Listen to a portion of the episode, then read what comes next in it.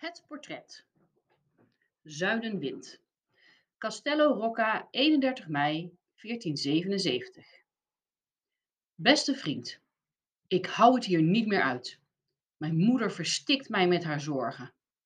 Haar aanwezigheid maakt de lucht in het kasteel zo benauwd dat ik geen adem krijg. Wanneer ik grappen maak met de staljongen, lach ik te hard en moet ik op mijn manieren letten. Wanneer ik niks te zeggen heb aan tafel, ben ik te stil en moet ik vrolijk zijn. Onder haar keurende blik verschrompelt ieder zaadje nog voordat het heeft kunnen ontkiemen. Ik zit nu op mijn kamer, omdat ze me verboden heeft om mee te gaan jagen. Zogenaamd omdat ik mijn studie zou verwaarlozen. Het is gewoon weer een smoes van haar. Dat mens is bang voor alles wat normaal is voor een man. Vechten, veroveren en verleiden. Nog even en ze heeft niets meer over mij te zeggen. Over één maand en acht dagen om precies te zijn. Ik weet het, dat duurt niet meer zo lang. Iedere dag sleept zich eindeloos voort in deze torenkamer, waar de bergen mij het zicht op de wereld ontnemen. Het is dat ik het vooruitzicht heb hier in de zomer weg te zijn, anders was ik net zo lief dood. Als je hier was, zou je me tegenspreken. Het is alleen maar moederliefde. Oordeel niet zo hard over haar en doe niet zo dramatisch, zou je zeggen. Hoort de moeder haar zoon niet los te laten als deze ouder wordt? Ze begrijpt toch wel dat ik dingen moet leren die ik me niet eigen kan maken als ik aan haar rokken blijf hangen? Getuigt het niet juist van moederliefde om je kind de vrijheid te geven de wereld te ontdekken? Genoeg geklaagd. Op de 8 juli vertrekt het schip uit de haven van Reggio di Calabria en ik zal erop zitten. Je kunt me na vier dagen verwachten, tenzij het windstil is natuurlijk. Ik bid om een stevige zuidenwind die mij richting jou blaast. Moeder zal denken dat mijn reis alleen als doel heeft jou te bezoeken. En zij verwacht mij tegen het einde van de zomer weer terug. Ze is vast verdrietig omdat ze mij twee maanden moet missen, maar niet wanhopig. Aangezien ze de tweede reden van mijn reis niet kent, heeft ze geen aanleiding om een list te bedenken die mij hier houdt. Ben je inmiddels al meer te weten gekomen over Signor Montagna? Ik durf hem nog niet te noemen wat hij is, totdat ik absolute zekerheid heb. Schrijf mij snel, ook al heb je geen nieuws over hem. Ik hoor graag over je leven in de stad. Hoe is het uitgaansleven? Heb je succes met je gravures? En bij de vrouwen? Of sta je nog steeds blind op die rode dochter van de wolhandelaar over wie je het afgelopen winter had? Ik mag er hopen van niet. Je bent te jong om al je pijlen op één meisje te richten en de rest aan je voorbij te laten gaan. Ik sta te trappelen om kennis te maken met de meisjes uit het noorden. Mijn neef vertelde me ze dat ze eindeloos lange benen hebben. Maar nog meer sta ik te popelen om jou weer te zien en samen door de stad te struinen. En om hem te vinden, natuurlijk. Tot snel. Hartelijke groet, Matteo. PS. Bijgesloten vind je een schets van mijn nieuwe leraar Latijn, meester Jani. De gelaatstrekken zijn niet overdreven, dat zweer ik je. Fabrizio grinnikte om de karikatuur die bij de brief zat. Het hoofd had iets van een peer die te lang op de fruitschaal had gelegen. Een streepje haar stond omhoog en vormde het steeltje. De ogen waren net krenten. Hij schudde zijn hoofd. De afbeelding was opgezet met een paar lijnen, waarschijnlijk stiekem tijdens de les. Maar die paar strepen op papier verrieden direct het zure karakter van de leraar.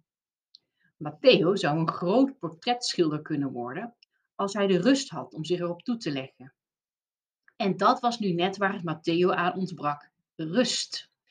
Zelfs als ze samen zaten te drinken en te praten, wiebelden zijn benen en schoten zijn ogen voortdurend heen en weer naar iets wat zich achter of naast hen afspeelde.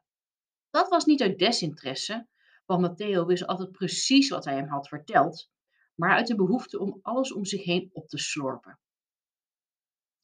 Fabrizio zag er naar uit om zijn vriend weer te zien. Het was inmiddels een paar jaar geleden dat hij Matteo in de zomer had opgezocht. Elkaar zien en spreken was beter dan schrijven. Als ze samen waren, rolden de woorden zo uit zijn mond. Maar als hij ze op papier probeerde te zetten, kregen ze iets houterigs ook al had hij ze met de mooiste kalligrafieletters geschreven.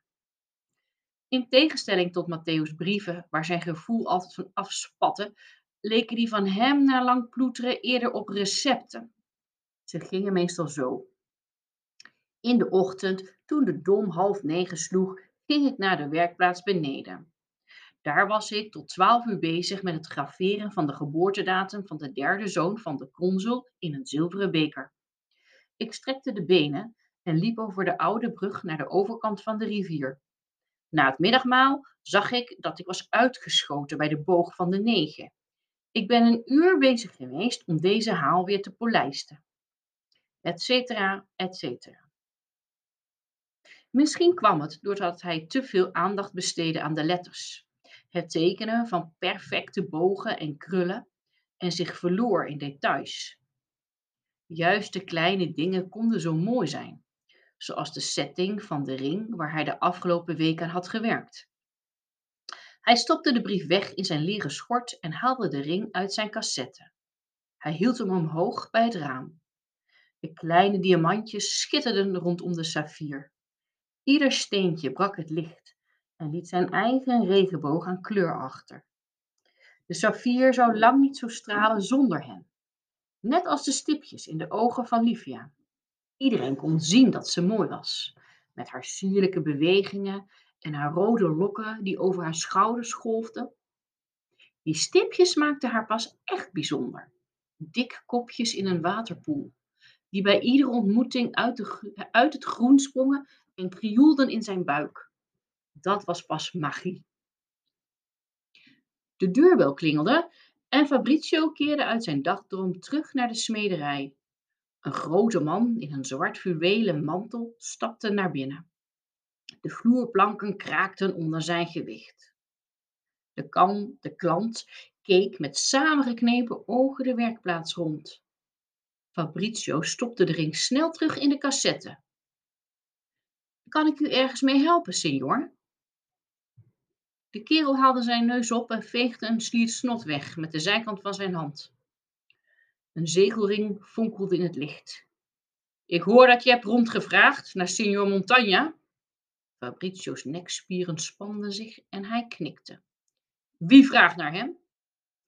Hij keek in de donkere ogen van de man en kreeg het gevoel dat die hem opzogen. Hij, rilde, onwillekeurig. Uh, ik, Fabrizio? Ik herhaal, wie vraagt naar hem? Fabrizio's handen werden klam. Wat moest hij doen? Deze heer leek niet erg blij dat hij naar Signor Montagna had rondgevraagd. Maar blijkbaar kende deze man Signor Montagna wel. En Matteo had er alles voor over om de waarheid te achterhalen. Hij wilde zijn vriend niet teleurstellen. Matteo Demetri, zoon van Adriana Demetri.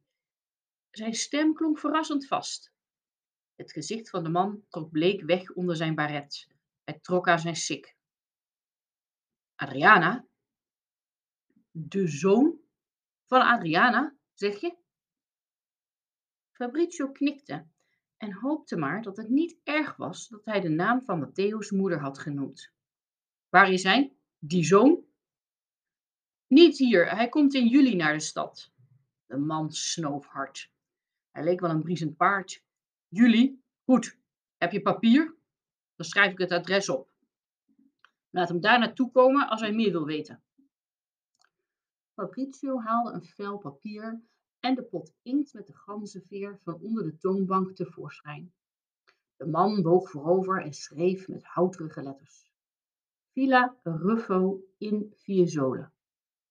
Net buiten de stad, voegde hij eraan toe. Hij nam Fabrizio van top tot teen op. Is hij een vriend van je, die Matteo? Ja, dat is hij. Hm. Er verscheen een misprijzend lachje op zijn gezicht. De man keurde hem verder geen blik waardig en stampte de winkel uit. Villa Ruffo. Die naam had hij eerder gehoord. Maar waar? De rest van de middag brak Fabrizio zijn hoofd erover. Hij kon er niet opkomen.